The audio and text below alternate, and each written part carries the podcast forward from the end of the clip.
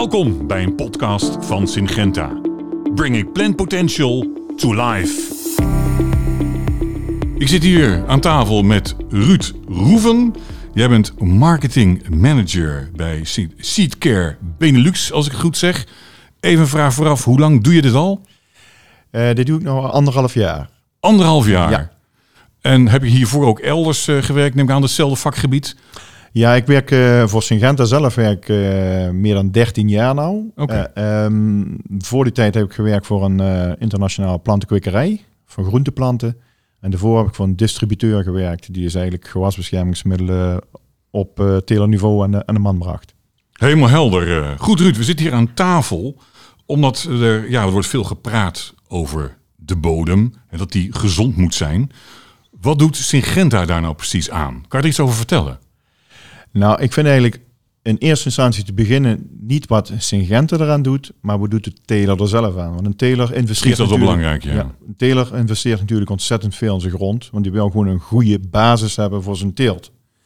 En daarom uh, zal hij werken met, uh, met organische meststoffen, met vanggewassen, uh, dus groenbemesters, om, om zijn grond goed een goede structuur te behouden. wat goed is voor het bodemleven. En daardoor behoudt hij eigenlijk de bodem ook een goede beschikbaarheid van vocht en voedings, uh, voedingsmiddelen, van voedingsstoffen, zo moet ik het noemen. En uh, hij wil ook graag streven naar een bepaald percentage aan organische stoffen in zijn grond. Want dat is gewoon belangrijk voor diezelfde beschikbaarheid van vocht en voeding, ook in moeilijkere periodes tijdens teelt. Dus het begint eigenlijk met, vind ik, wat, wat een teler doet. En daarnaast is Syngenta natuurlijk, uh, proberen wij die teler er ook te ondersteunen.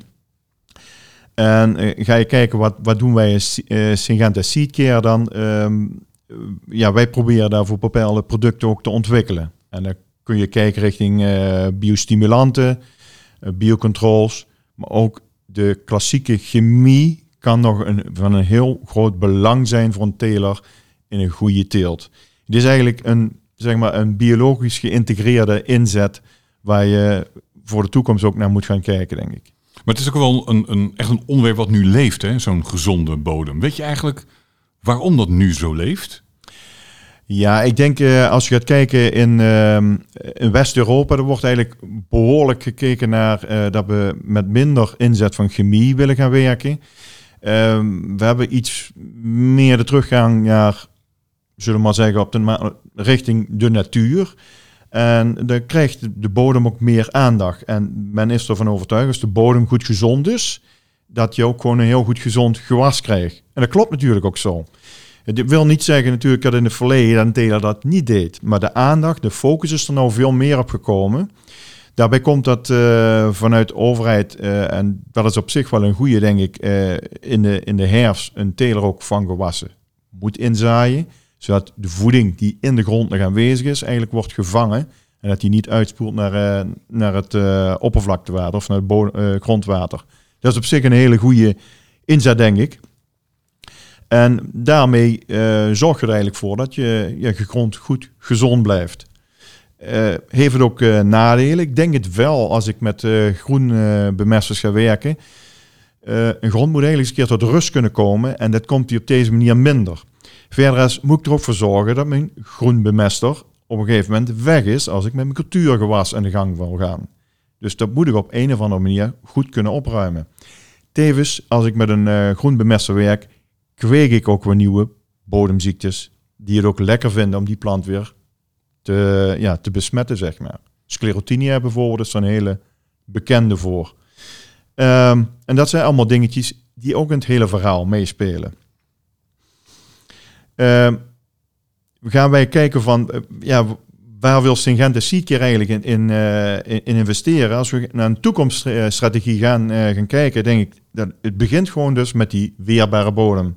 Een heel belangrijk item wat je denk, waar jij aan moet denken, denk ik. Verder is onze klanten, de designzaadbedrijven, die zijn echt bezig met het inkruisen van resistenties. Dus een plant kun je weerbaar maken zeg maar, tegen bepaalde ziektes. Dus het kan zijn dat een ziekte geen vat meer krijgt op, die, op, uh, op, op dat plantje. Alleen ligt het niet zo eenvoudig dat, je, dat een, zaai, of een, uh, een zaadbedrijf kan zeggen: Oké, ik, ik, ik creëer een resistentie en we zijn klaar. Daar gaat een hele tijd overheen voordat dat resistente plantje diezelfde gewenste eigenschappen heeft als wat een normale, uh, gevoelige plant ook heeft. Dus dat zijn al heel veel stappen die die moet hebben. Het kan bijvoorbeeld zijn dat een spinazieplantje uh, ongevoelig wordt voor een bepaalde ziekte. Maar ja, hij schiet voordat je hem kunt oogsten in de bloem. Ja, dan is het, is het voor de praktijk on, onbruikbaar. Kun je niks mee. Dus dat is een puntje. En als we dan tot een resistent gewas komen, dan kan het ook nog zijn. En een resistentie, net zoals bij de corona met verschillende mutaties zijn, dat ook een ziekte meerdere mutaties kan krijgen en dat een resistentie wordt doorbroken. En op die manier moet je denk ik de zaak ook gaan benaderen, dat je dus A, die weerbare bodem, dan resistente gewassen. We kunnen met biostimulanten iets, waarmee we zorgen eigenlijk dat rondom het kritieke uh, kiemfase van een plantje, dat we ervoor zorgen met een biostimulant, dat als het een beetje moeilijker is rondom die kiem, dat het plantje sneller er is. Dat hij zich net wat sneller kan ontwikkelen dan in een normale periode. Dat is eigenlijk allemaal preventief, hè, wat je doet. In principe zijn dit uh, ja, zijn er allemaal preventieve zaken. Ja, dat klopt. Dat klopt. Dat klopt. En uh, wat is daar het voordeel van? Waarom zou je dat doen? Want het is natuurlijk een beetje, liever wil je natuurlijk iets genezen als het al daar is. Waarom zou je het vooraf wel doen? Ik denk dat je als je iets vooraf uh, gaat doen, dat je met veel minder veel meer kunt bereiken. Um, als ik, logisch. Ik, ja, ja, als ik met een auto rij, dan kan ik preventief gaan remmen. Dan heb ik misschien wat slijtage in mijn remblokken. Dan kan ik daarna weer doorrijden. Misschien is mijn rubber ook een beetje van mijn banden gesleten als ik hard heb moeten remmen. Als ik gewoon doorrijd en dat paaltje mijn auto laat afremmen, dan heb ik veel meer schade. Dan heb ik veel meer herstel nodig om die schade weer te herstellen. En zo kun je het eigenlijk ook wel zien met preventief een productje inzetten. Dan kan ik met heel weinig heel veel bereiken. Ga ik naar zaaizaadbehandeling kijken, dan kan ik gericht mijn product ook op die plek in de grond aanbrengen waar het even nodig is. Op die manier kan ik met veel minder veel meer bereiken.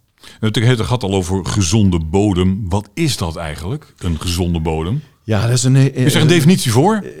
Ja, dat, dat is ook een beetje verschillend van, van grondtype waar ik mee te maken heb. Uh, en ook met de teelt waar ik mee te maken heb. Maar in principe komt het eigenlijk op neer dat je gewoon een goede rulle structuur hebt. Dat er genoeg uh, lucht, zuurstof in de grond aanwezig is. Er moet een goed bodemleven aanwezig zijn en een goede balans zijn. Dus bacteriën, schimmels en gisten. Verder moet er ook een goede beschikbaarheid zijn van vocht en voeding. Er moet eigenlijk een buffer zijn die ook moeilijke periodes kan overbruggen, zodat de plant voor de juiste voeding in de juiste hoeveelheid ter beschikking heeft.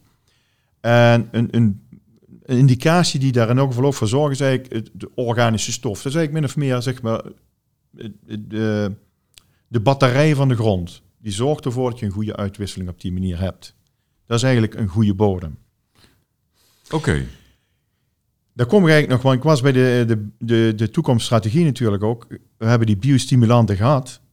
Als dit allemaal niet voldoende is, en dat kan natuurlijk zijn, dan kunnen we ook komen tot biocontrols, zoals ze het zo mooi noemen. Zo noemen we dat.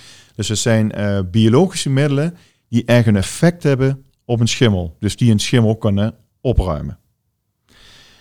Wat zie je vaak, of tegenwoordig nog altijd bij biocontrols, ze zijn er wel, ze zijn dus echt in ontwikkeling. Dit is een, is een moeilijk proces.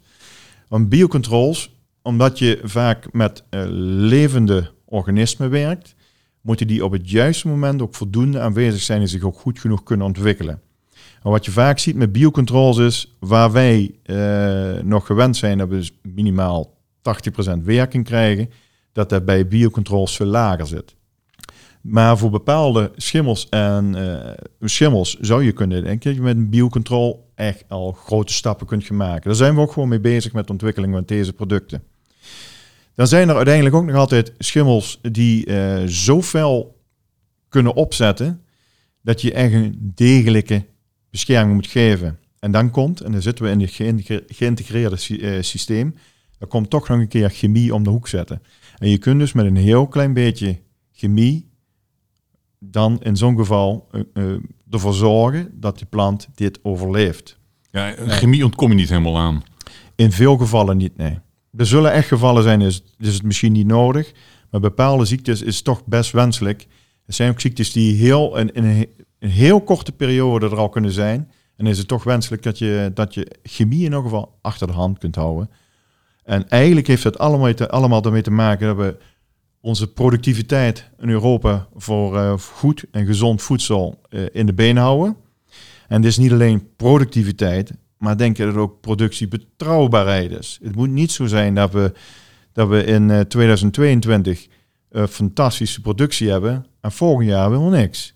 Het zou jammer zijn. Ja, dat zou. denk niet dat veel mensen er blij mee zijn. Ik vermoed het ook niet, nee. nee.